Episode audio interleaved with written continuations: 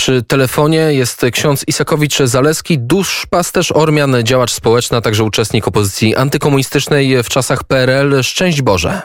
Szczęść Boże. Ciężkie tematy dziś w popołudniu wnet poruszamy od piątej fali koronawirusa przez zawirowania podatkowe, a teraz czas na temat, który od dawna, niestety, od dawna gości na antenie Radia Wnet i nie tylko. Kościół nie udostępni tajnych akt w sprawie pedofilii. Taki nagłówek akurat w Onecie. Chodzi o instrukcje, które Watykan niedawno przesłał polskim biskupom, które ograniczają współpracę Kościoła z sądami i prokuraturą. Jakie ksiądz ma zdanie na ten temat? Jest to bardzo smutna sprawa, bo rzeczywiście Kościół dręczony jest przez wirusa, tym, że nie chodzi o koronawirus, ale wirusa e, nadmiernej tajemnicy i pewnych niekonsekwencji, jeżeli chodzi o oczyszczanie Kościoła. Z góry e, zaznaczę, że w każdej wspólnocie, czy to jest zakład pracy, czy społeczeństwo, czy wspólnota narodowa, zawsze znajdują się, e, mówiąc tak bardzo kolokwialnie, czarne owce. Ale dla dobra każdej wspólnoty musi być system, który jednak e, przede wszystkim w zarodku jakby e, oczyszcza już tą wspólnotę, ale także jednoznacznie pokazuje pewne procedury, jak należy dbać o e, porządek moralny e, wśród członków tej wspólnoty. I wydawało się, że kto jak kto, ale Kościół, który ma dwa tysiące lat doświadczenia i który przeżył ogromne kryzysy, począwszy od początku istnienia Kościoła, czyli wszystkie wspólnoty ludzi ochrzczonych, choćby zdrada Judasza, czy zaparcie się świętego Piotra, że właśnie Kościół będzie miał tak jednoznaczne i tak czytelne procedury, że to inne grupy czy narody będą się mogły uczyć, jak należy postępować. I tutaj jestem zaskoczony, ale myślę, że to jest zaskoczenie dla wszystkich tych e, świeckich i duchownych, którzy chcą dobra Kościoła i chcą oczyszczenia, że pomimo bardzo pozytywnych kroków, jakich dokonał papież Franciszek w poprzednich latach, e, nagle jest e, kilka kroków do tyłu, bo e, najnowsza instrukcja papieska, już tu nie wchodzę w szczegóły, która kongregacja to wydała, praktycznie uniemożliwia władzom świeckim wgląd w akta procesowe kościelne, co powoduje, że nie może być porozumienia między na przykład prokuratorem czy policją, a daną diecezją czy zakonem, który, którym to się wydarzyło, tylko że wszystko przenoszone jest na szczebel międzynarodowy.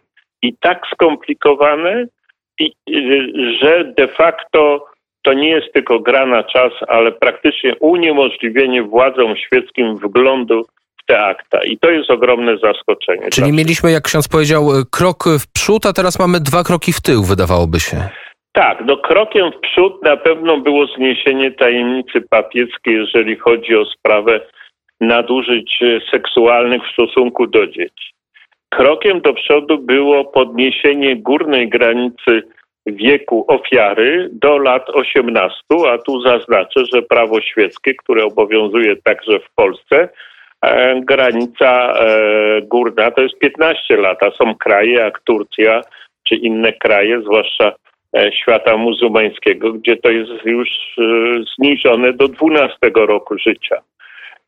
I trzeci pozytywny bardzo krok to było uznanie za molestowanie bezbronnych dorosłych. Pod tym pojęciem kryją się wszystkie osoby, które przekroczyły 18 rok życia, ale który z racji choćby swojej choroby, niepełnosprawności, e, depresji, teraz mamy ogromną grupę przecież ludzi e, pogrążonych w depresji, czy także tych, którzy są jakby zawodowo uzależnieni od sprawcy, na przykład klerycy czy siostry zakonne. Więc ta grupa bezbronni dorosłych e, to było, to było takie podejście, że właśnie nawet świeckie prawo jeszcze było w stosunku do tego do tyłu.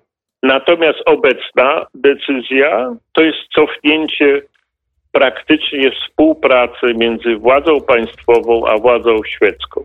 Ksiądz, e, ksiądz znaczy władzą państwową i świecką, a władzą kościelną. Dlaczego to jest ważne też dla Polski? Bo w Polsce jest konkordat, który jest oczywiście rzeczą pozytywną. Natomiast na mocy tego konkordatu de facto y, zamknięto wstęp prokuratorom czy oficerom śledczym policji do tych akt. Czy to nie jest sposób na to, aby polski kościół, aby to, co dzieje się w Polsce, kroczyło w stronę kościoła tego, co mieliśmy, tego, co widzieliśmy tak naprawdę w Irlandii, tego upadku, jeżeli to nie jest za mocne słowo? Tak, i tutaj właśnie Kościół polski był w tej szczęśliwej sytuacji, że miał doświadczenie, bo Kościół katolicki, czyli powszechny, no, bazuje na doświadczeniach całego świata, więc już miał to doświadczenie, co było w Stanach Zjednoczonych w latach 80. czy 90., gdzie wręcz bankrutowały diecezje, co się działo w Irlandii, gdzie dochodziło do odejścia z naszej grupy wiernych e, z kościoła pod wpływem tych skandali. Mm, więc Kościół w Polsce miał tą e, szczęśliwą sytuację, że mógł wyprzedzić te pewne działania, e, rozwiązać to w sposób właściwy.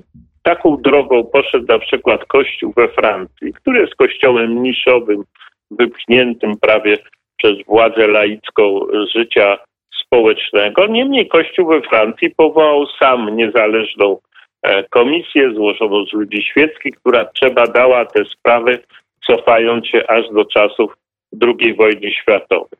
Natomiast w Polsce jest ustawiczne blokowanie tych spraw, natomiast zwolennicy blokowania no, otrzymali teraz ogromny argument ze strony papieża. Przypuszczam w wyniku rozmów e, w czasie wizyty Adlimina, która miała miejsce w jesieni ubiegłego roku w Watykanie, gdzie musieli przyjechać wszyscy biskupi polscy, że tam doszło do pewnego e, porozumienia, że e, Kościół Polski nie chce wydawać tych akt, a papież jakby to potwierdził, że rzeczywiście nie.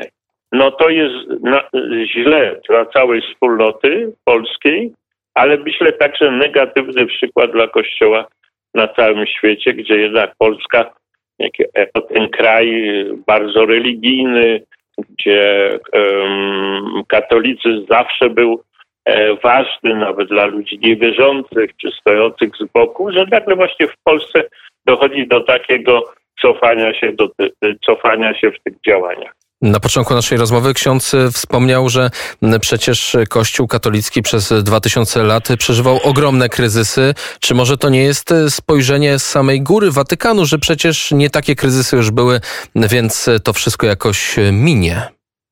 Tak, tylko że kryzysy, które udało się rozwiązać, to było wspomniane, wspomniane przeze mnie nawrócenie się świętego Piotra, który zaparł się Chrystusa, ale wyznał swoją winę i Chrystus przyjął przeprosiny. Natomiast Judasz poszedł w odwrotną stronę, e, popełnił samobójstwo, więc ściągnął na siebie kolejny grzech.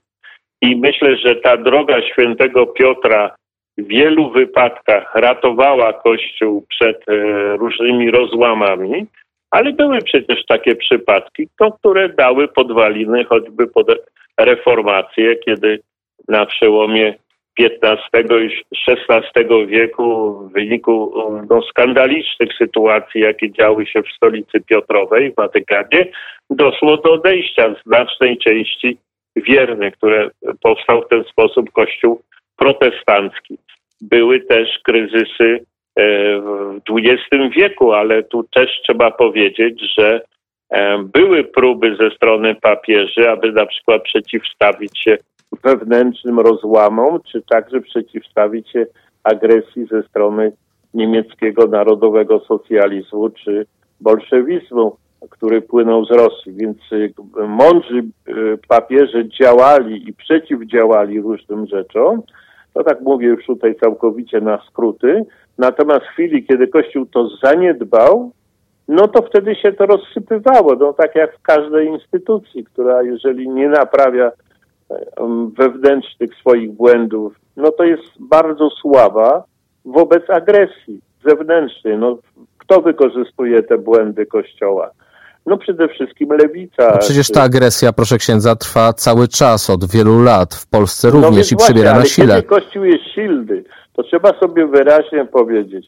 Kościół, który jest wewnętrznie oczyszczony, on potrafi stanąć wobec wroga. Tak było z Kościołem Polskim w czasie zaboru. E, jutro mamy rocznicę wybuchu Powstania Styczniowego. Jak, jak bardzo Kościół był związany przecież e, z patriotyzmem. Druga wojna światowa, czasy komunizmu, e, niedawno była beatyfikacja kardynała Wyszyńskiego, więc są jasne wskazówki, jak, którą drogą iść.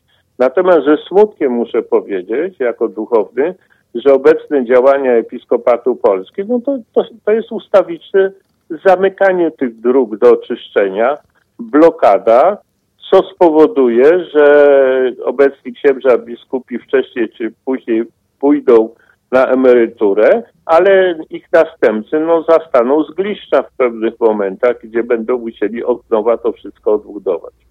Jak ksiądz powiedział, Kościół powinien stanąć w prawdzie, tymczasem za tego pontyfikatu przełomu raczej nie należy się spodziewać.